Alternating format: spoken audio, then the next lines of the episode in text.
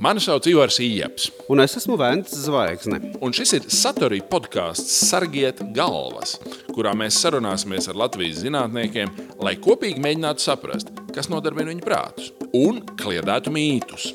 Sargiet galvas, tās jums noderēs. Projektu finansiāli atbalsta Eiropas parlamenta grupa Eiropas atjaunotne, jeb Renew Europe.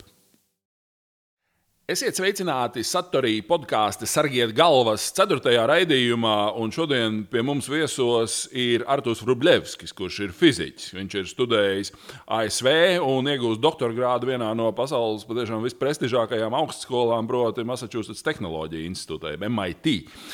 Veicis pētījums plazmas fizikā un materiāla fizikā, un pašlaik viņa darba vieta ir Ventspils Startautiskais radioastronomijas centrs, kur Artūrs Vrublevskis pēta Saules magnētisko lauku, piemēram, meklēja atbildi uz jautājumu, kā rodas tā saucamais lēnais saules vējš.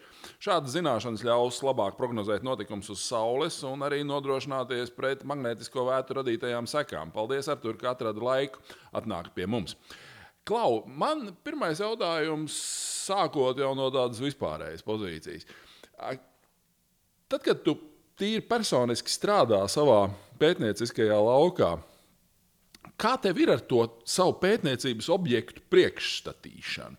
Tādā ziņā, ka nu, tas, ko tu dari, ir vai nu kaut kādi pavisam, pavisam mazi nu, atomu, elektronu, jonu un tā tālāk, un tā tālāk objekti.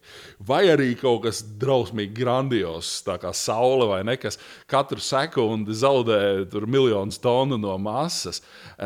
Tu to kaut kā vizualizē un iedomājies tos savus pētniecības objektus, ja tu domā lielākoties tādās matemātiskās, fiziskās formulu kategorijās? Nu, es teiktu, tā, ka lielākā daļa dienas jau paiet ar kaut kādām nelielām detaļām, ar konkrētiem uzdevumiem, pavis, kas tikai veido nelielu daļu no tās kopējās lielās bildes. Tā kā, ja godīgi, īstenībā droši vien pat vajadzētu biežāk aizdomāties, kas tad ir tas svarīgais un lielais, ko es daru un kā uz to visu paskatīties. Un tāpēc es esmu savā ziņā priecīgs par šo iespēju šeit šodien atrasties, jo tas arī ir tāds tā pamudinājums nedaudz sakārtot tās visas domas un jā, pašam sev vismaz izskaidrot, kas tas, ko es daru. Jā. Fizikā ir, kā zināms, vesels garš saraksts ar dažādām nozarēm un apakšnodarbēm, no kurām nu, īsākās varbūt mēs zinām no skolas kursa, bet nu, garākās droši vien prasītu pat zināmu piepūli izlasīt, ne tikai saprast, kas ar to īsti ir domāts. Kas ir tās fizikas noza, nozaru kopums, ar ko tev visvairāk iznāk darboties? Nu, pamatā, ja, ja cenšas iedziļināties vai nonākt līdz kaut kādiem fundamentālākiem līmeņiem, tad viss pamatā būtu plazma fizika, kas ir savā ziņā tā kā termodinamika, bet tajā pašā laikā ļoti, ļoti atšķirīga. Jo, jo plazmas Tātad, eh, nezinu, cik cilvēki ar to pazīstami, ir ļoti, ļoti sakarsēta gāze, kurā, ja gāzes parasti sastāv no neitrālām daļiņām, tad tagad eh, tā ir sakarsēta līdz tādām temperatūrām, ka ir jau lādētas daļiņas. Tātad atomi ir sadalījušies eh, kodolos un brīvi lidojošos elektronos. Un, ja šīs daļiņas ir lādētas, tad tās vairs tad tās pakļaujas magnētiskam laukam. Tādā ziņā, ka ja neitrāla daļiņa lido pa labi, pa kreisi, pilnīgi haotiski, tad um, lādētas daļiņas labprāt pārvietojas magnētiskā lauka virzienā, bet ar lielām grūtībām pārvietojas perpendikulāri. Līdz ar to savā ziņā var teikt, ka plazma ir piesaistīta pie magnētiskā lauka. Un tā kā uz Saules, piemēram, ir magnētiskais lauks, tad to, kas notiek ar Saules plazmu, lielā mērā ietekmē šis magnētiskais lauks. Tā kā, tad no vienas puses tā ir termodinamika, papildus ir jāzina arī par elektromagnētismu. Un tad, kad grib zināt, kā to visu novērot, tad jau atkal vēl jau vairāk ir šis elektromagnētisms, radio viņa izplatīšanās un tas, kā, kā šos mērījumus veikt jau tīri no tehnoloģiska viedokļa. Ja mēs raugāmies uz tavu pētniecības jomu, tad skaidrs, ka tā ir tiešām tādā labā nozīmē fundamentālā zinātne. Proti, tu uzzini lietas par fiziskās pasaules iekārtojumu, kas atrodas uz robežas starp zināmo un nezināmo. Un tādā ziņā tā ir tāda, nu, rīktīga zinātne šī vārda pilnā nozīmē. Cits jautājums, mēs daudzos no šiem podkāstiem esam runājuši ar cilvēkiem, kas nu, ir tā vai citādi mēģinājuši kaut kādus skatīties uz kaut kādiem praktiskiem pielietojumiem. Tad, kad tu darbojies ar saviem pētījumiem, tev ir arī kaut kādas, nu, kā saka, priekšstats par to, kā tevis atklātās patiesības par uh, fizisko pasauli varētu ietekmēt cilvēku dzīvi kaut kā. Uh, jā, jā, tas jau, es domāju, uh, tas ir viens no zinātnieku uzdevumiem. It īpaši, ja viņš vai viņa saņem uh, nodokļu maksātāju līdzekļus, uh, spēt pamatot to, kāda no tā viss ir jēga un mēģināt skaidrot. Um, un arī priekš sevis tīra motivācija droši vien ir, ir jauka arī padomāt, vai vismaz apzināties, ka arī sabiedrībai no tā būs kaut kāda jēga. Uh, manā gadījumā tas ir šie kosmisko laikapstākļu uh, paredzēšana vai spēja labāk prognozēt kosmiskos laikapstākļus. Uh, tajā pašā laikā um, nu, nedaudz attālinātāk uz to visu skatoties, šī plazmas fizika ir plāni un cerības, ka cilvēki varētu kādreiz cilvēks varētu kādreiz izgatavot tā saucamos kodolsintēzes reaktorus, kur varētu sava, uh, radīt līdzīgas reakcijas, kā notiek uz Saules, un tādējādi iegūt principā, neizsmeļamu un vidē draudzīgu un no oglekļa izmešiem skatoties arī ļoti labu enerģijas avotu, kur pamatā arī ir plazma fizika. Es šaubos, nu, tas būtu. Jā, es īsti neredzu, kā tieši mani konkrētie pētījumi uh, tuvākajā laikā kaut ko ietekmēs pa šo līniju, bet nu, tāda iespēja ir. Jā. Tad, daļa, tad kaut kas, kas tiek atklāts Saules, varbūt tiks atklāts kaut kādas plazma fizikas pamata īpašības, vai kaut kāda interesanta viļņa, kas tur izplatās, vai nestabilitātes, vai kas, kas varētu būt arī ar pielietojumu kodolsintēzē. Jo es ne, pirms kāda laika bija tas process pretējā virzienā, kur cilvēki kur veic šos kodolsintēzes pētījumus reaktoros. Uh, atklāja parādību, kur viņi minēja, ka varētu īstenībā mēģināt novērot arī uz Saules. Tā kā, tāda saikne arī ir. Bet priekš manis tas ir uh, šī spēja paredzēt to, kas notiek uz Saules, un tā ietekme būtu tāda, ka mēs varētu paredzēt arī kosmiskos laikapstākļus labāk. Tieši apstājies tajā vietā, kur es uh, domāju uzdot nākamo jautājumu. Kosmiskie laikapstākļi, uh, ko, tas, ko tas ietvers vai ko tas apzīmē? Šis? Nu, tā tad um, saule, ja mēs to iedomājamies, kā sakarsētu lodi, um, no tās visu laiku aizplūst projām um, tā saucamais saules vējš, tātad šīs plazma. Tā ir um, pavisam neblīva un uh, tīri fiziski, nezinu, atsitoties pret, pret zemi, no to, to varbūt tā nejūt, uh, bet tās ir lādētas daļiņas. Un, uh, jā, un tad, uh, šis mierīgais saules vējš, tas, tas visu laiku vairāk vai mazāk plūst, un nekāda liela ietekme vai neko būtisku mums nedara vai nemaina, bet tad ik pa laikam uz saules ir uh, aktivitāte, notiek izvirdumi vai uzliesmojumi, un tie gan var atstāt ietekmi arī uz Zemi. Tātad tiešā veidā šajos uzliesmojumos uh, var tikt radīts radiostarojums, var tikt ra radīts augsts lādēts daļiņas. Tās parasti tiek apturētas atmosfēras augšējos slāņos. Par to drīzāk jāuztraucās kosmonautiem, kur varbūt gribētu ceļot uz mēnesi vai uz Marsu. Bet tad ir šie, te, nezinu, Latvijas vien būtu teikt, koronālās masas izvirdumi, kad no Saules nu jā, burtiski tiek izvirz, no, izvirsta vai tiek izšauts salīdzinoši liels daudzums šīs koronālās masas, kas pāris dienu laikā, ja, ja ir īstais virziens, var trāpīt arī Zemē, un tad izraisīt, uh, inducēt strāvas arī uh, teiksim, elektropārvades līnijās, cauruļvados, kas var izsist no ierīces, piemēram, uh, mūsu um, dažādos transformatorus, kas ir elektropārvades līnijās un var atstāt bez elektrības kādu daļu no zemeslodes. Tātad šie izvirdumi mēdz būt dažādas teikt, jaudas vai nozīmes, bet ik pa laikam notiek arī kāds pavisam, pavisam jaudīgs, kurš, ja, ja tāds trāpīts zemē, tad tiek aplēsts, ka varētu, piemēram, nezinu, kādā zemeslodes daļā pazust elektrība uz pieciem mēnešiem. Piemēram. Un jūs varat iedomāties, kā mainītos mūsu dzīve, ja mums tagad, teiksim, Latvijā piecus mēnešus nebūtu elektrība. Um, tādi notikumi ir reti. Ir zināms, ka Zemē kaut kas tāds trāpīja uh, 1859. gadā, tā saucamais Carringtona notikums, vai kā to nezinu, labāk tulkot. Tajā laikā elektrības bija, nebija tik ļoti izplatīta, aizdegās uh, telegrāfa vadi, bet nu, nekas traģiskāks nenotika. Uh, mūsdienās ir zināms, ka tāda mēroga izvirdums notika piemēram 2012. gadā, bet Zemē netrāpīja. Nu, tad var domāt, cik tādi ir bieži, vai mēs tos varam paredzēt, vai mēs tādiem varam sagatavoties. Tā kā, principā, ja pietiekoši laicīgi zina, tad jā, var arī pārslēgt tur, nezinu, kaut kādas strāvas pārvades līnijas kaut kādā drošākā režīmā un tam līdzīgi, bet to ir jāspēj paredzēt. Tagad daļa no šiem izvirdumiem notiek izvirdums, līdz zemē tas jau ir izplēnējis, nekas, nekāda ietekme uz zemi nav, citi ir atkal, atkal ļoti jaudīgi. Tu runāji par to, ka šāds izvirdums ietekmē ierīces. Vai tas kaut kādā veidā ietekmē arī cilvēkus, vai arī cilvēki to praktiski neizjūt? Es domāju, ka cik man zināms, tā ietekme, nu, tāda ietekme nav. Tas nebūtu tas, par ko būtu jāuztraucas.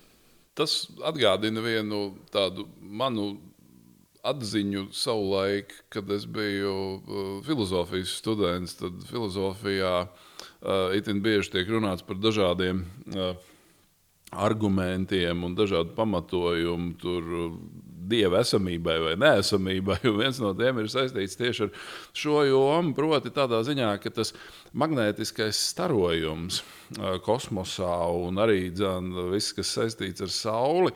Um, un tas zemes magnētiskais lauks, kas mūs pasargā no tā starojuma, tas ir iztaisīts apmēram tā, Un tieši tā, lai uz Zemes varētu pastāvēt organiskā dzīvība un dzīvot cilvēki.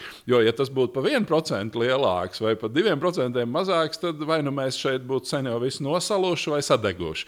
Bet šobrīd tas ir iekārtots tieši tā, lai cilvēki varētu uz Zemes dzīvot.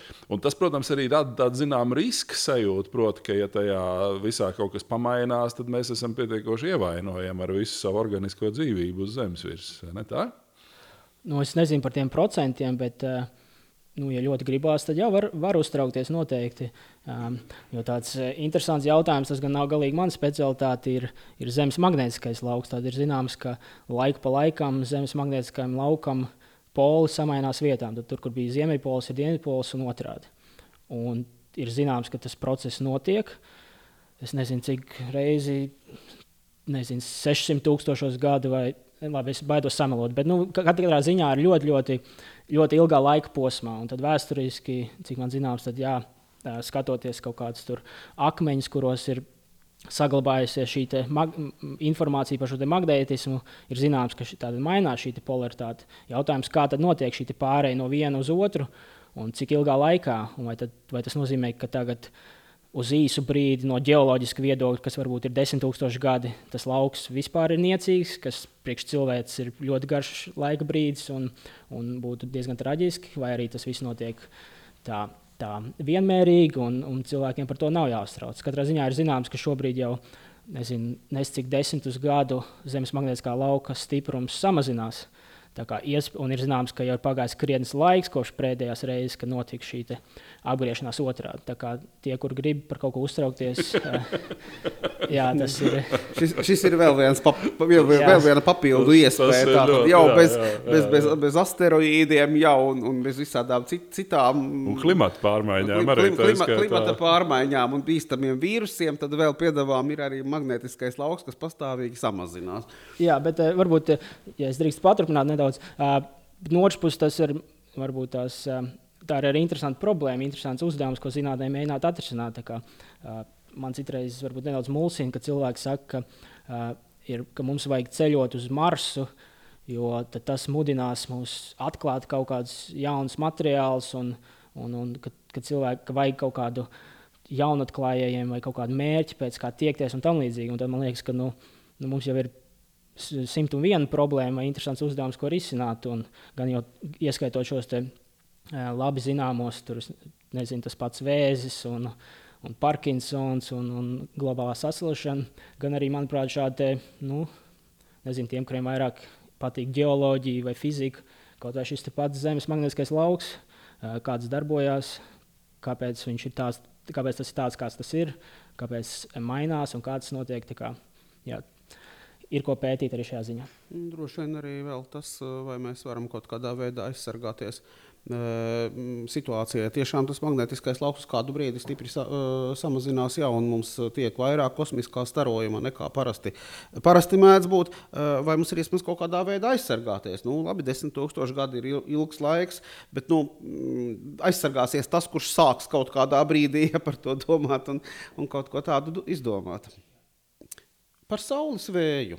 Tā tad, tā tad es saprotu, pieminēju, ka, ka ir šis lēnais saules vējš, kas no saules plūst nepārtraukti, atšķirībā no šiem uzliesmojumiem.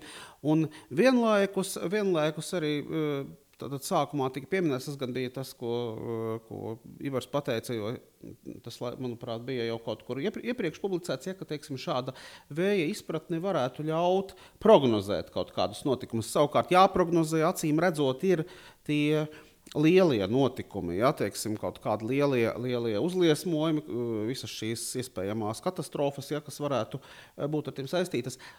Kā tas viss ir savstarpēji saistīts? Kā teiksim, šī uh, lēnā vēja izpratne var palīdzēt prognozēt uh, tādus ārkārtas notikumus, un galu galā, kā tas viss ir jā, no paša sākuma interesē, kā tas ir saistīts ar radioastronomiju, ko radioastronomija var uh, no tā visa uzzināt. Uh, nu, Dažiem vienkāršāk ir par šo radioastronomijas uh, tēmu parunāt. Tātad, uh, nu jā, kā jau visā zinātnē, lai kaut ko atklātu, jo vairāk iespējas ir iz, kaut ko izmērīt, jo labāk. Uz Saules tiešā veidā mērījums veikt nav iespējams.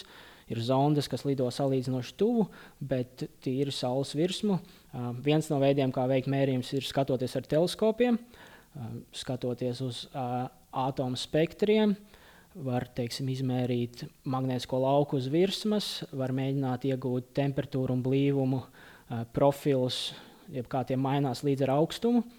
Tas nav vienkārši, jo uh, tas, teiksim, cik uh, konkrētā spektrālā līnija ir redzama, tad cik daudz kaut kāds viens atoms spīd vai nespīd, to nosaka ļoti sarežģīti um, nezinu, miedarbības ar to, cik daudz ir šīs te, šo te atomu, kādā tie ir temperatūrā. Um, vienmēr sakot, redzot šo spektru, nav nemaz tik viegli nonākt atpakaļ, izvest atpakaļ to, kāda tur ir temperatūra un blīvuma. Uh, par laimi, papildus instruments vai papildus metodas, ko var izmantot, uh, ir no radioastronomijas viedokļa. Tādā ziņā, ka, ja mēs skatāmies uz Saules plankumiem, tad uh, Saules plankumos ir spēcīgs magnētiskais lauks. Un, uh, tīri pa manu pētījumu līniju, tad ir tā, ka šī plazma, konkrētāk šie elektroni magnētiskā laukā, kā jau teicu, tie šķērsām līnijām nepārāk grib ceļot, un patiesībā tie riņķo uz riņķi ap magnētiskā lauka līnijām. Un šajā procesā izstaro elektromagnētisko starojumu, kuru var novērot ar radioteleskopiem. Tātad tie ir tā ir tāda veiksmīga sakritība, ka šis starojums no saules plankumiem atbilst tam, ko mēs varētu ar radioteleskopiem novērot.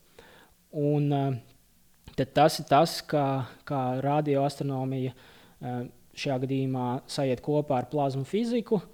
Ka, um, jā, tātad, papildus tam, tas, to, kāds ir šis starojums, ietekmē šis magnētiskais lauks. Uh, un temperatūru, un savā ziņā arī blīvums. Un tad tas, ko es daru, un ko var darīt radioastronomi, ir redzēt, apskatīties šo plankumu, kā tas izskatās dažādās frekvencēs, dažādos, jā, tad, dažādās radioastronomijas frekvencēs. Un tad mans uzdevums ir šos attēlus arī savā ziņā apgriezt otrādi, vai izvest no tiem, kā mainās temperatūra un blīvums un magnētiskais lauks līdz ar augstumu. Tad tas, tas, ko burtiski jau nolaižoties zemākā līmenī, ko es ikdienā mēģinu izdarīt.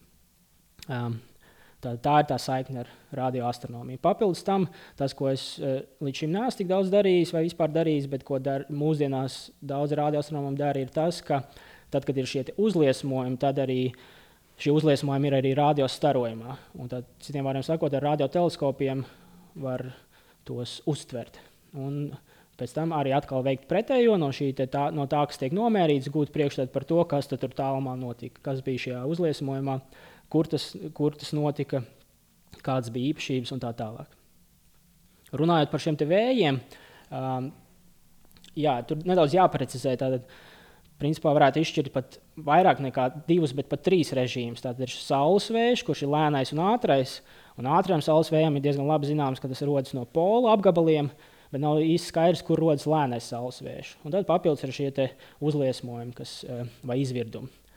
Um, nu, tā tiešā saikne nu, savā ziņā ir vienkārši tāda, ka, uh, jo, ja mēs uh, nezinām, kur rodas lēnais saules vējš, tas parāda vienkārši to, ka mums nav pārāk laba saprāšana par to, kas notiek uz Saules.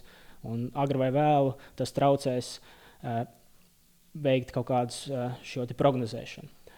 Tas, ko es, es to arī citreiz saredzu, ir, ka, uh, es, kas man likās interesanti, ir ka es, šis 2012. gada izvirdums, kas bija ļoti, ļoti jaudīgs, un, ja būtu trāpījis zemē, tad būtu ļoti, ļoti slikti. Ja tad tas bija visjaudīgākais izvirdums, kāds jebkad ir novērots. Un tad, kad zinātnieki pētīja, kā, kā tas sanāca, ka šis izvirdums bija tik jaudīgs, tad atklāja, ka patiesībā bija divi izvirdumi. Un tad tas pirmais izslaucīja to ceļu priekš tā otrā izvirduma, un tad tas otrais izvirdums jau izpla, izplatījās šajā kā, nezinu, citādā vidē uh, un spēja nezinu, efektīvāk izplatīties. Un tad es, es to uzskatu par piemēru tam, cik svarīgi ir zināt ne tikai par šo pašu izvirdumu, bet arī par šo fonu, kurā izplatīsies šis izvirdums, kurā tad, uh, notiks šie te, uh, notikumi. Un tad es savā ziņā pētu šo fonu, šo lēno saules vēju. No otras puses, papildus tam visam, vēl, jā, ja es konstruēju modeli šai saules plankuma atmosfērai, tad, ja man viss labi izdosies, tad man būs labs priekšstats par to, tātad, kā mainās temperatūra, blīvums, magnētiskais lauks līdz ar augstumu. Un, ja man ir šāds labs priekšstats par šo vidi, tad arī nu, konceptuāli runājot, tas arī ļauj labāk prognozēt, kas šajā vidē notiks. Tad savā ziņā ir jāzina, kāds ir tas sākuma stāvoklis, lai, lai, lai paredzētu, kas notiks tālāk. Bet kas no fizikas viedokļa ir īsti saules plankums? Saules plankums ir uh, vieta uz Saules, kur ir sakoncentrēts uh, ievērojami stiprāks magnētiskais lauks uz virsmas. Un tas um, um, nu, kavē plazmas uh, nezinu, apriti, un tā rezultātā uh, šis plankums ir ar zemāku temperatūru. Un, uh, tā kā spožums ir spēcīgi atkarīgs no temperatūras, tad kaut arī šī temperatūra joprojām ir tūkstoši, pat nedaudz samazinoties temperatūrai, tad šis plankums ir jau tumšāks nekā pārējā saule. Jā, bet nu, tas, kas, kāpēc man tas ir interesanti, vai labi, kā, kā, kāpēc to var pētīt, ir šis spēcīgais magnētiskais lauks, kurā ir šis īpašais. Uh, Mēs to teiksim, tā žiro rezonanses starojam, šis te, tad, kad elektroni riņķo ap magnētiskā lauka līnijām, un to var nomērīt, novērot ar radio teleskopiem. Un ir zināms, no kurienes šāda veida nu, neviendabības Saules magnetiskajā laukā uh, parādās. Kāpēc, kāpēc tur nav tā pietiekami vienmērīgi? Kāpēc tur ir tiešām, tiešām tā, ka ir kaut kādi cirkulāri apgabali, kuros ir ļoti spēcīgs, un tad ir atkal tādi, kuros ir vājāks? Nu, es precīzi nevarēšu atbildēt, bet nu, tā, no vienas puses tas, protams, ir vēl neatbildēts jautājums. Um, cik man zināms, zinātnieki nezina, kāpēc teiksim, šiem plankumiem ir 11 gadu cikls. Un, un, um, um tur ir gana daudz neatbildētu jautājumu. No otras puses, nu, uh, Saulē ir šī konvekcijas zona, tātad uh, zināmos dziļumos uh, siltums izplatās nevis kā starojums, bet kā uh, siltāka masa ceļoties augšā, augstāka masa nogrimstot zemāk. Un tad jā, šis process notiks ar kaut kādu granulāciju, un tad šo granulu lielumu nosaka fizikālie apstākļi. Un tad uh, savā ziņā ir paredzams, jā, ka būs Tātad magnētiskais lauks dažās vietās būs stiprāks, dažās vājāks. Bet tas droši vien izskaidro tā, tā nezinu, kā to latviešu teikt, šo te tīklu, kas ir uz visas saules. To, kāpēc uzrodas konkrēti magnētiskie, eh, kāpēc uzrodas konkrēti saules plankumi, tas jau, jā, tas ir sarežģītāks jautājums. Jo, kā jau teicu, tam visam vēl 11 gadu cikls, kad kādu laiku saules nav plankuma, teiksim tā kā šobrīd, un tad pēc uh, pieciem gadiem ļoti, ļoti daudz plankuma. Tas arī to, tā, tas ir jau saistīts ar visu Saules kopējo magnētisko lauku. Tad, kad mēs runājam par uh, radioastronomiju un radioteleskopu, tā skaitā Vēnspīlī, tad uh, nu, teleskopu laji, kā mēs iedomājāmies, lielākoties kaut, kā kaut ko tādu, kur cilvēks skatās iekšā un redz kaut kādu. Uh, fizikāla objekta attēlu. Radioteleskops jau tā nestrādā. Jūs strādājat droši vien ar vienkārši kaut kādām lielām ciparu virknēm un datiem, vai ne? Jā. Nu, nu, savā ziņā jau nu, arī redzamā gaisma ir elektromagnētisks starojums. Vienkārši tā atšķirība ir tāda, ka mums, mums, mūsos ir iebūvēts aparāts, kurš spēj uztvert šo starojumu, un tā ir cilvēka acs. Un, uh, varbūt nezinu, kaut kur kādā citā tālā visuma stūrī ir, ir radības, kuras spēj saredzēt tieši radiostarojumu.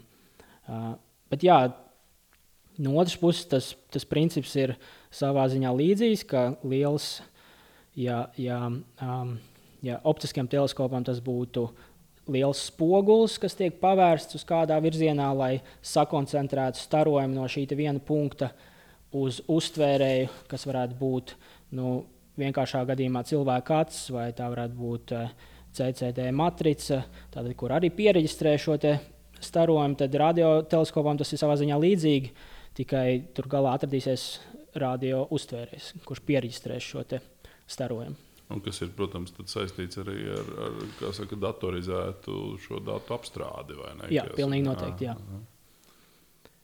Reizēm, reizēm, reizēm mūs nu, mēdz baidīt īpaši klimata pārmaiņu sakarā arī ar to, ka pēdējā laikā nereti vērojamās ziemeļblāzmas esot saistītas ar kaut kādām tādām lielām pārmaiņām un par ko labu nevēstot. Un tas gan nav nekas jauns. Ziemeļblāzmas jeb kāvi jau viduslaikos un arī senāk tika uzskatītas par kaut kādu ļaunu notikumu vai karu vai epidēmiju priekšniesešiem un tā.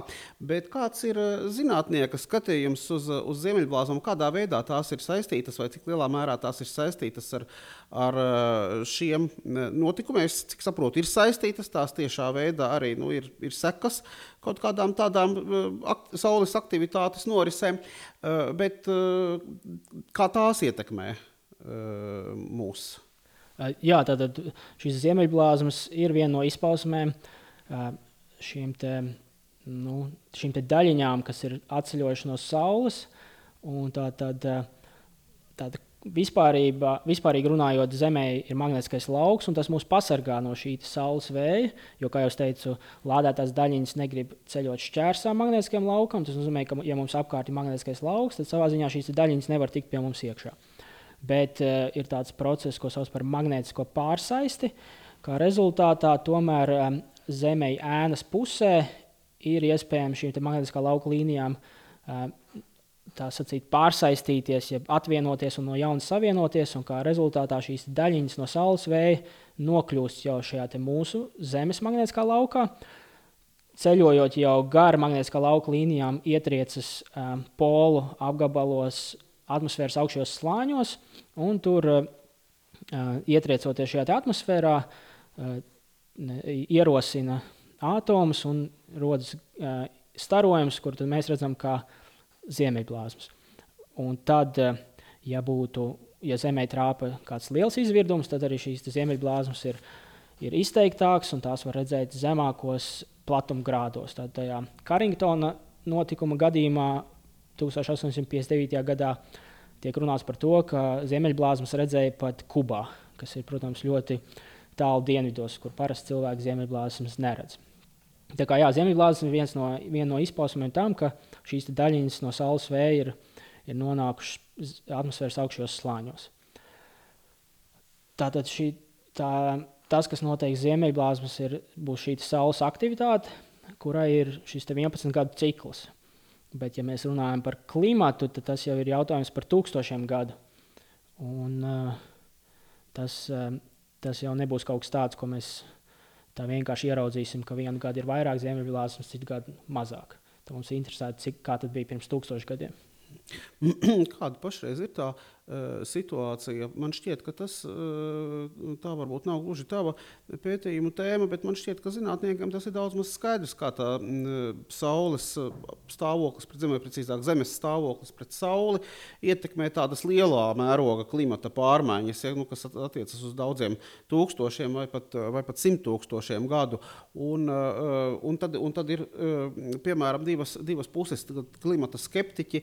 No vienas puses apgalvo, ka lūk, par ko mums te vispār uztraukties, acīm redzot, nu, mēs mainām kaut kādā veidā savu, attie, savu stāvokli pret sauli, un līdz ar to klimats, klimats mainās. Patiesībā cilvēks nu, tur var tikai par CO2 un par ozonu slāni. Noplātīt rokas, jā. jā, tur nekādas ietekmes nav. Un savukārt tad ir, tad ir kaut kāds otrs viedoklis, kas saka, paga, paga, patiesībā vajadzēja vispār būt tā, kā pēc mūsu pašreizējā stāvokļa maiņas tam siltajam posmam būtu jābeidzas un patiesībā būtu jāsākas palēnām atzišanai. Un starp citu, tur arī ir vēl viena vien tāda grupa, kas saka, nemaz nav tik slikti, ka mēs te pašreiz to pasauli esam uzsildījuši, jo, jo, jo pēc tam varbūt e, nezinu, siltāk, būs siltāk. Būs drusku siltāk, ledus laikmets aizkavēsies kaut vai par kaut kādiem. Nu, pārsimts gadiem, pat ja tas būtu, būtu vienkārši lieliski. Ehm, kā uz to visu skatās saules pētnieks? Cik tālu, eh, nu, cik tālu protams, tev par to ir zināšanas? Droši vien ne, nedaudz vairāk eh, kā tev. Eh, pirms nākšanas šeit es vēlreiz pārlasīju to attiecīgo nodaļu vienā grāmatā par saules fiziku. Nu, jā, cik saprotu, tad, tad nu viens ir šis zemes stāvoklis attiecībā pret Sauli, tīri fiziski. Tātad Zeme, Zemes orbīte ik pa laikam nedaudz pamainās dēļ citām planētām un tam līdzīgi. Tas, cik es saprotu, ir, ir labi zināms process un, un paredzams un tam līdzīgi. Vismaz pietiekoši lielā mērā, lai, lai varētu apgalvot, ka tās klimata pārmaiņas, ko novērojam šobrīd, nav ar to saistītas. Vismaz cik, cik, cik es to saprotu. Es noteikti neesmu speciālists. Um, papildus tas, kas nav īsti skaidrs, ir varbūt tāda, kāda ir šīs ilgtermiņa izmaiņas uh, tajā jaudā, kas nāk no saules starojuma ziņā. Uh, bet, uh, jā, protams, ne viss šajā ziņā ir zināms, bet tajā pašā laikā ir visi šie modeļi, kur ir redzams, cik ļoti lielā mērā cilvēka darbība ietekmē vai spēja ietekmēt zemes klimatu. Tā kā, nu, man liekas, tas ir ļoti, ļoti riskants pasākums. Ignorēt to, cik lielu efektu var atstāt, cik lielu ietekmi var atstāt cilvēks, un cerēt, ka kaut kas, viena lieta, ko mēs it kā varbūt tik labi nesaprotam, ka beigās izrādīsies mums par labu.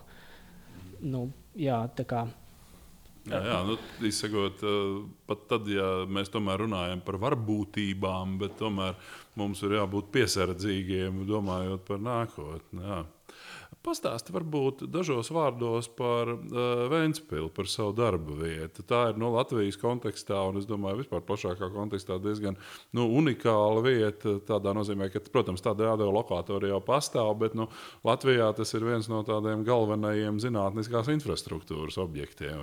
Jā, nu, es, tāda neliela atkāpe ir, ir ļoti svarīga priekš mums. Uh, kad netiek lietots vārds radiolokators. Jo uh, lokators ir kaut kas tāds, kas izstaro starojumu un tad uztver to, kas tiek atstarots atpakaļ.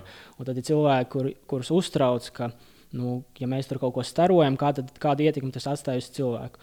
Uh, neviens no šiem te teleskopiem neko nestaro, tie tikai uztver. Līdz ar to ne, jums nav jāuztrauc par kaut kādu ietekmi uz dabu vai uz cilvēkiem.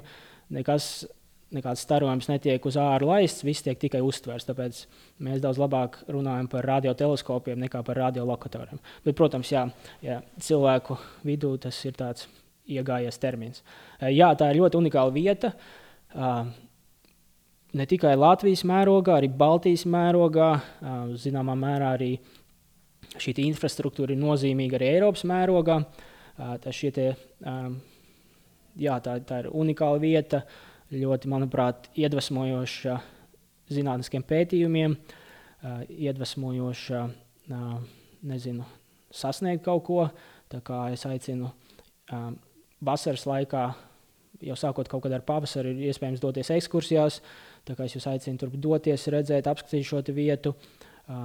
Vediet savus bērnus, skolēnus, skolēnu grupas.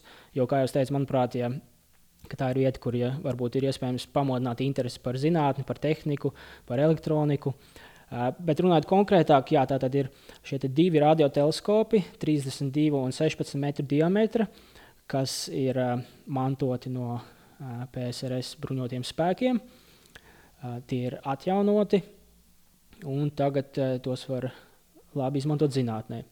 Tātad šie teleskopi ir daļa no uh, Eiropas ļoti garas bāzes interferometrijas radioteleskopu tīkla.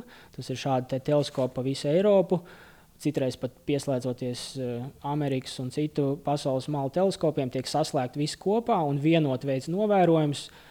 Un tad šis virtuālais radioteleskops ir ar tādu izmēru, kāds ir šis attālums starp šiem teleskopiem, kas ir jau tūkstošos uh, kilometru kamēr pats teleskops viens pats ir teiksim, ar tiem pašiem 32 metriem. Un mūsu teleskops uh, darbojas veiksmīgi šajā tīklā. Uh, gada sākumā jā, bija, uh, un pat ne tikai tas, ir bijuši vairāk jau nozīmīgi atklājumi, uh, varbūt ne tādi, kuros mūsu zinātnieki bijuši tieši iesaistīti, bet uh, ārvalstu zinātnieki izmantoja šo tīklu, izmantojot arī mūsu radioteleskopu, ir veikuši galva reibinoši nozīmīgs atklājums. Tā kā tādā ziņā tehniski šis līmenis ir tāds, kāds tam um, vajadzētu būt pasaules līmenī. Papildus šiem te teleskopiem ir uh, mazākais teleskops, 16 metru diametra teleskops, kā jau teicu. Uh, laikam vēl pirms mēs sākām šo ierakstu, ka uh, ir, tas ir uh, pats šķīvis ir izgatavots no jauna, un ja agrāk šis bija no metāla, tad tagad tas ir no uh, oglekļa. Uh, laikam, tā, no oglekļa stikla šķieres, vai labi, precīzi materiāli nepateikšu, bet katrā ziņā ļoti ātri pārvietojums, un to ir plānots iesaistīt saziņā ar satelītiem. Jo tad, ja, ja būs zemi lidošs satelīts, tas ātri pārlidos pāri. Mums ir liels šķīvis, kurš kustās ļoti ātri, un tad var uztvert vājas signālus un spēt izsekot šim satelītam. Un papildus tam pagājušā gada rudenī tika atklāts uh, LOFAR teleskops, jeb tas ir vairākas antenas, uh, izklāts uz laukuma. Katra antena pat par sevi ir, nu, nav nekas tik ļoti iespaidīgs, bet uh, viss šī te teleskopa ietvaros. Visas šīs atsevišķās antenas darbojas kopā, un tad papildus uh, šādas lofāra stacijas um, ir arī pa visu Eiropu. Lielākā daļa ir Nīderlandē, bet tad arī ir Vācijā, Polijā, uh, Lielbritānijā, Īrijā, Francijā un arī Latvijā. Un tad arī šie te visi teleskopi var kopīgi darboties un veikt novērojumus. Un tad tas viens no maniem uzdevumiem arī ir uh, izmantot Latvijā esošo LOFāru staciju pašu par sevi un arī piesakoties uz laiku, uh, iespēju izmantot šīs visas stacijas kopumā, lai veiktu saules pētījumus. Un, kā jau teicu, jā, uh, Ventspils tādā ziņā, manuprāt, ir ļoti iedvesmojuši un arī lielā mērā ar daudz iespējām, jo mūsu kā zinātnieku ir maz, mūsu tur trūkst. Ja, ja citās stācijās vai pie citiem radioteleskopiem ir liela konkurence, lai tiktu klāt, lai varētu tikt pamērīt, tad pie mums, ja vien ir laba ideja, tāda iespēja, tāda iespēja ir daudz vienkāršāk iegūt nekā kaut kur citur Eiropā. Uh, jā, un tāda līdzīga arī uh, Vēncpils augstskolas studentiem.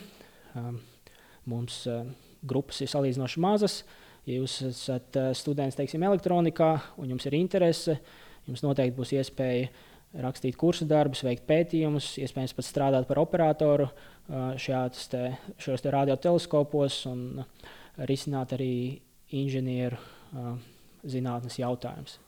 Tas ir super. Paldies par uzaicinājumu. Tā ir lieta, ko es domāju, ka katram no mums vajadzētu izmantot. Taču tāds blakus jautājums Es saprotu, ka tas lielais 32 metrīgais uh, ir mantots lielā mērā no, no komunistu laikiem. A, ko viņi darīja ar to? Viņiem tur bija kaut kāda zvaigžņu kari, ko viņi ar to mēģināja darīt. Jo tā jau ir tāda lieta, nu, kas no tādas, nu, tādas ikdienas militārās dzīves laikam ir diezgan tālu. Lidmašīnas ar viņu nevar notriekt. Ne? Nē, noteikti nē, bet uh, var noklausīties. Var noklaus... tātad, jā, tātad uztverot signālus teiksim, no satelītiem, tad šos signālus var pārtvert un, un veikt noklausīšanos. Jā.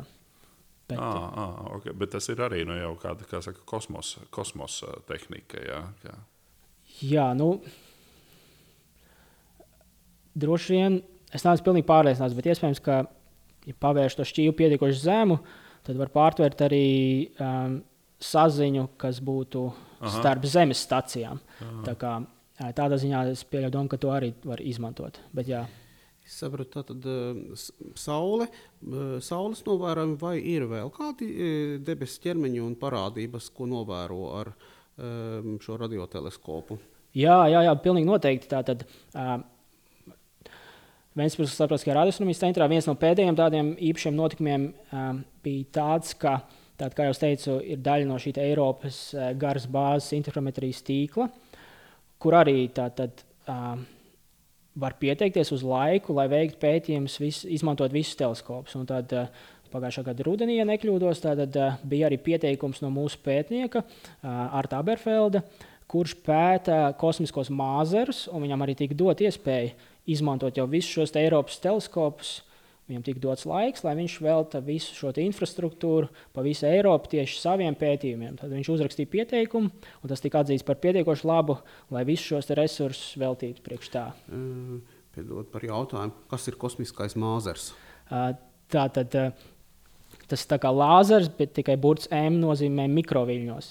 Tātad lāzers, tā kā mēs to parasti iedomājamies, ir redzamajā gaismā, bet šis ir nedaudz citā, citos viļņu garumos. Uh, Bet tā pamatdoma, cik, man, cik, cik nu es par to zinu, ir arī līdzīga, ka, nu, tā, ka būtu, kosmosā būtu vide, kurā ir šīs te, mm, daļiņas, teiksim, atomi vai molekulas, kuras um, dēļ uztvertā siltuma ir ierosinātā stāvoklī. Un tad, kad nāk kaut kāda fona, fona starojums, tad tā kā šo daļiņu ierosinātā stāvoklī ir vairāk nekā pamatstāvoklī, jeb zemākas enerģijas līmenī, zemākā enerģijas līmenī, tad šis starojums tiek, daļa no šīs starojuma tiek absorbēta un no jauna izstarota, bet vēl vairāk nekā tika uztverts. Tātad daļa no šīm no augšējās enerģijas stāvokļa nokrīt uz zemāku un izstaro vēl gaismu. Tātad lāzerā tas laboratorijā uzbūvētā lāzerā tas tiek panākts mākslīgi, tad tiek ierosināts, ka šīs daļiņas ir augstākā enerģijas stāvoklī, un tad tie pastiprina šo te, uh, gaismu. Tas ir A burts, ir lāzerā, A ir amplification, ja pastiprināšana. Un tad kosmosā arī šīs procesi notiek, ka ir šīs daļiņas ierosinātā stāvoklī un fona starojums tiek pastiprināts. Un tad to var novērot ar radioteleskopiem. Un, un tas kaut kādā veidā atgādina lāzera staru, kas iet cauri kosmosam. Redziet, tas, kā man liekas, ikdienā cilvēkiem lāzers tieši asociēts ar to, ka tas ir nu, tā, vienā, viens stars. Kā, nu, jā, tā, tā, tas priekšstats ir. Jā, jā bet šajā gadījumā, manuprāt, tas interesantais vai varbūt tā definējošā parādība ir tas, ka tiek pastiprināts šis starojums pateicoties šai te, uh, inversijai, tas, ka augstākā enerģijas stāvoklī ir vairāk daļu nekā zemākā stāvoklī. Tā kā es neņemšos teikt, ka šis starojums ir tikai vienā virzienā. Es, manuprāt, tas būtu atšķirīgos. Tātad, tas nebūtu, jā, tas nav sakoncentrēts, bet ir būtu plašā lokā. Bet drīzāk tātad, interesantais ir tas, ka ir šī te, uh, inversija enerģijas līmeņos. Nu, ideja, ideja, ideja jebkurā gadījumā ir līdzīga. Nu, tad, ja tādās vienkāršotās, populāras zinātniskās sensāciju ziņu lapās ir bijis rakstīts, ka kosmosā ir gan alkohola krājumi, ja kaut kur tāda liela mākoņa ar alkoholu, tad ir cukura krājumi kaut kur jau. Un tad, tā tad izrādās ir arī nu, dabiski lāzeri, ja ir teiksim, teiksim, teiksim, kosmos. Kosmoss arī dzen, izklaidē savus kosmosa kaķus jā, ar jā, lāzeru vai kaut kā tādu. Nu jā, tur tas droši vien arī jā, šis lāzers, tas kā mēs ar ko varbūt arī vai kāda būtu tā līdzība ar parastu lāzeri, ka līdz ar to viņš liekas daudz spožāks nekā mēs sagaidītu. Nu, vienkārši tā, šis fona starojums iespējams būtu kaut kas no zvaigznes nākošs un ar labi vai daudz maz saprotam šo intensitāti, bet tad pēkšņi mēs redzam kaut ko daudz spožāku. Un tas ir dēļ šī māzera efekta. Līdzīgi kā arī lāzerīts mums liekas spožāks. Klau, bet, eh, ja runā par tavu pamata darbības lauku, kas ir saistīts ar sauli, kas man liekas, protams, ir vitāli nevis vienkārši kādam no mums, bet visai cilvēcei, tāpēc ka tas ir tas, kas padara vispār mūsu iespējams vai ne, jebkādā eh, variantā. Es domāju, ka kā tu raksturotu tādā nu, iespējami vienkāršā veidā, cik daudz mēs zinām par sauli un cik vēl tur ir daudz kā tāda, ko mēs. Uh, nevaram zināt, un kas mums nav saprotams, kāpēc kaut kas notiek tā vai citādi. Ir ļoti daudz, manuprāt, ko mēs nezinām. Tas, ko es pat, pat es vēl neesmu, neesmu pieminējis, ir, ka uh, Saulē papildus šai laika apstākļu prognozēšanai ir vēl viena ļoti, ļoti liela problēma, vai teiksim, tāda neatbildēts jautājums. Jā, nebūtu pareizi teikt, problēma. Neatbildēts jautājums, kāpēc Saules atmosfēra ir tik ļoti, ļoti karsta. Jo Saules virsma ir teiksim, nu, teiksim, 5000 grādi, un tad virzoties uz augšu, nezinu, teiksim, 100 tūkstoši km augstumā, temperatūra ir miljoni. Tā tad Un tad rodas jautājums, kā, tad, kā, kā tas ir iespējams, ka kaut kas, kas ir 5000 grādu temperatūrā, virzoties tālāk no tā, mēs sasniedzam šos miljonus uh, grādu. Un tā, tas ir neatbildēts jautājums. Uh, ir uh, konkurējošas teorijas par to. Viens variants būtu šī magnētiskā pārsaiste, ko es jau nedaudz pieminēju, kas ir fundamentāls process, kas notiek plazmās, kas notiek uz Saules, notiek Zemes ēnas pusē, notiek šajos kodolsintēzes reaktoros. Tā šis fundamentālais process patiesībā ir ļoti nu, lielā mērā neizprasts. Kā, un tad, ot, tad papildus konkrēšā teorija būtu, ka no, no Saules virsmas uh, nākošie viļņi plazmā daļu no šīs enerģijas uh, pārvērš plazmas temperatūrā vai plazmas siltumenerģijā. Un tad šis jautājums ir arī neatbildēts jautājums. Uh, kur, ja, ja jums ir kaut neliela interese par to, var droši mesties iekšā. Var mēģināt risināt pie mums, var mēģināt risināt ārvalstīs, augstskolās, pētniecības institūtos. Tā ir aktuāla problēma, un, ja jums būs labas idejas, tad jūs arī radīsiet, gūsiet atsaucību, un jūs finansēs, un jūs ņems darbā un tā tālāk. Tā kā tas, tas ir neatbildēts jautājums arī ar lielu nozīmi, kaut vai vienkārši intereses pēc. Ja nekļu, jā, ik pa laikam uzpeld kādu sarakstu ar, teiksim, top 10 fizikas neatbildētie jautājumi, kur būtu gan tas, kā tur uh, kvantu mehānika saistīta ar, ar gravitācijas uh, laukiem un tam līdzīgi. Bet starp šiem desmit jautājumiem būtu arī šis jautājums, kāpēc Saules atmosfēra ir tik ļoti, ļoti karsta. Tas, tas jau vien ir neatbildēts. Un papildus arī uh, Cits interesants, nedaudz, varbūt ne tik liela mēroga, ir šie izvirdumi. Tādā ziņā, ka jā, un arī šīs magnētiskā pārsaiste. Tad mēs redzētu uz saules virsmas, ka tur ir tāds lokus ar, ar šo plazmu, kurš kaut kad varētu izvirst, kaut kad varētu atvērties un izplūst starp planētu telpā. Un mēs saule riņķo, mēs redzam vienreiz viņu, aizriņ, to loku, aizriņķo, redzam atkal, un tad vienā dienā viņš uzsprāgs. Nu, vai izvirst. Jā, jautājums, kāpēc tas notiek un kurā mirklī tas notiks. Un arī diezgan nu, fundamentāls jautājums, ko, ko, kur šobrīd nav atbildība. Jā. Pirms nākšanas uz šejienes arī nedaudz paskatījos, ko es zinu par Sauli. Un, protams, tad arī vienmēr ir interesanti paskatīties nu, to, ko, ko, ko raksta kārtējais, cik, cik ilgi Saulē vēl būs pastāvēt. Jā, nu, tas atsīt arī domu, vai mēs paspēsim sapakot čemodānus jā, un doties, doties kaut kur citur. citur jo, jo, starp citu, tur kur, tur, kur es lasīju, jā, tur bija teikts, ka necik ne jau dikti tālu nebūšot jālido, ka pietikšot apmēram tur, kur tagad uh, Plutons atrodas apmēram. Ja, ja, ja uz turieni izdošoties pārvietoties, ja, tad tā vieta jau būs tajā laikā nu, kaut kādā brīdī gana derīga dzīvošanai. Jo tad vienā brīdī saule nu, pirms tās savas nodzišanas tā pamatīgi izplatīsies ja, un būs tik liela, ka nu, Zeme un uh, vēl līdz pat asteroīdu joslai visa tā teritorija ietilps jau patiesībā saules, uh, sa, sa, sa, sa, sa, saules tajos ietvaros. No otras puses, nu, bija vēl viena interesanta lieta, kas ir arī tāda astronomija, par ko visi saberzēja rokas. Nu, ka, lielā zvaigzne Betelgeize, kas ir daudzkārt lielāka par Sauli, Oriona zvaigznājā, varot tūlīt, tūlīt pārvērsties par supernovu. Ja, tas ir gandrīz vai pienācis tas brīdis, jo tai bija sācis ļoti kristies spožums. Ja patiesībā Betelgeize bija nu, no 12. Ne, vai no, no pat 9. Uh, zvaigznes pie, pie debesīm pēc spožuma kļūsi par, uh, vai 10. par 21. Ja, un, un, un tomēr, tomēr tagad ir atkal jau nākamās ziņas, viss trauksmē nav pamata, supernovas vai pārnovas mums nebūs pašreiz vēl, bet LGS atkal pieņem uz spožumu acīm redzot, tas ir tāds ciklisks process, ja, ka viņa atkal kļūst spožāka. Uh, nu, tas patiesībā nozīmē to, ka lielā mērā daudzas šīs prognozes ja, par, uh, par zvaigznēm nu, ir tādas. Kaut ko mēs zinām, bet iespējams vairāk, vairāk pat nezinām nekā zinām.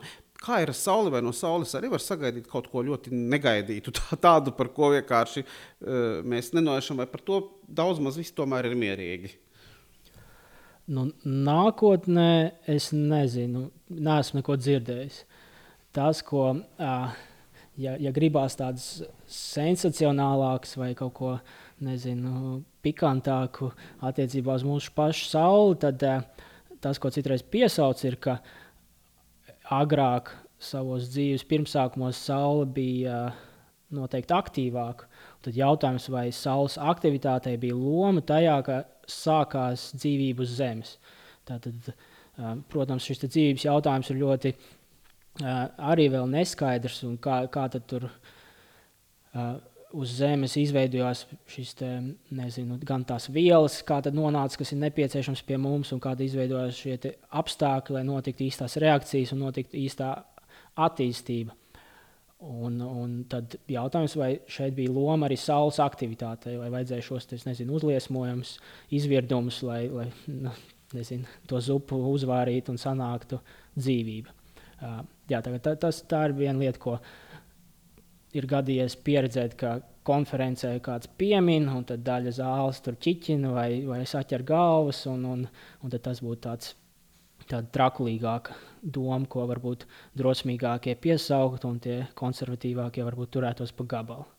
Bet attiecībā uz nākotni man jau liekas, ka pilnībā pietiek ar tiem, to neparedzamību, par kuru runāju es, par šiem potenciāli katastrofāliem izvirdumiem. Lūk, jā, lūk, mēs esam tādi, ja, ja cilvēks to nejūt, bet iekārtas to jūt, tas tikai rāda, cik mēs esam kļuvuši patiesībā no vienas puses attīstoties, eh, no otras mēs esam kļuvuši ārkārtīgi jūtīgi pret tādām lietām, pret kurām agrāk mums nekādas. Uh, ar vārdu sakot, nodzīvoja tas, tas cilvēks, pirmotnējais cilvēks, kā, kā, viņš, kā viņš gāja. Tā viņa īpaši neinteresē, vai tur kāds uzliesmojums ķer zemi vai neķer. Ja, bet mums tagad tas var apdraudēt pilnīgi. Nu, tas jau ir tā, kā ar to teica. Respektīvi, ka, ja gribās par kaut ko uztraukties, vai ne, nu, tad var arī uztraukties par, par šādām lietām. Jā, tāpēc, ka mēs esam sākuši viņām pievērst uzmanību.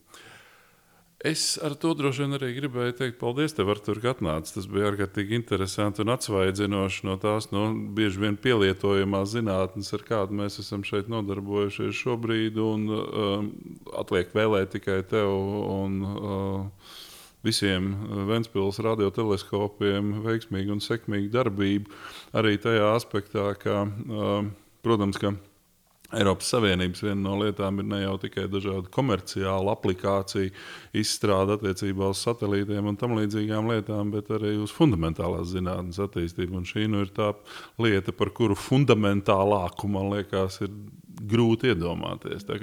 Paldies tev! Jā, paldies jums! Paldies!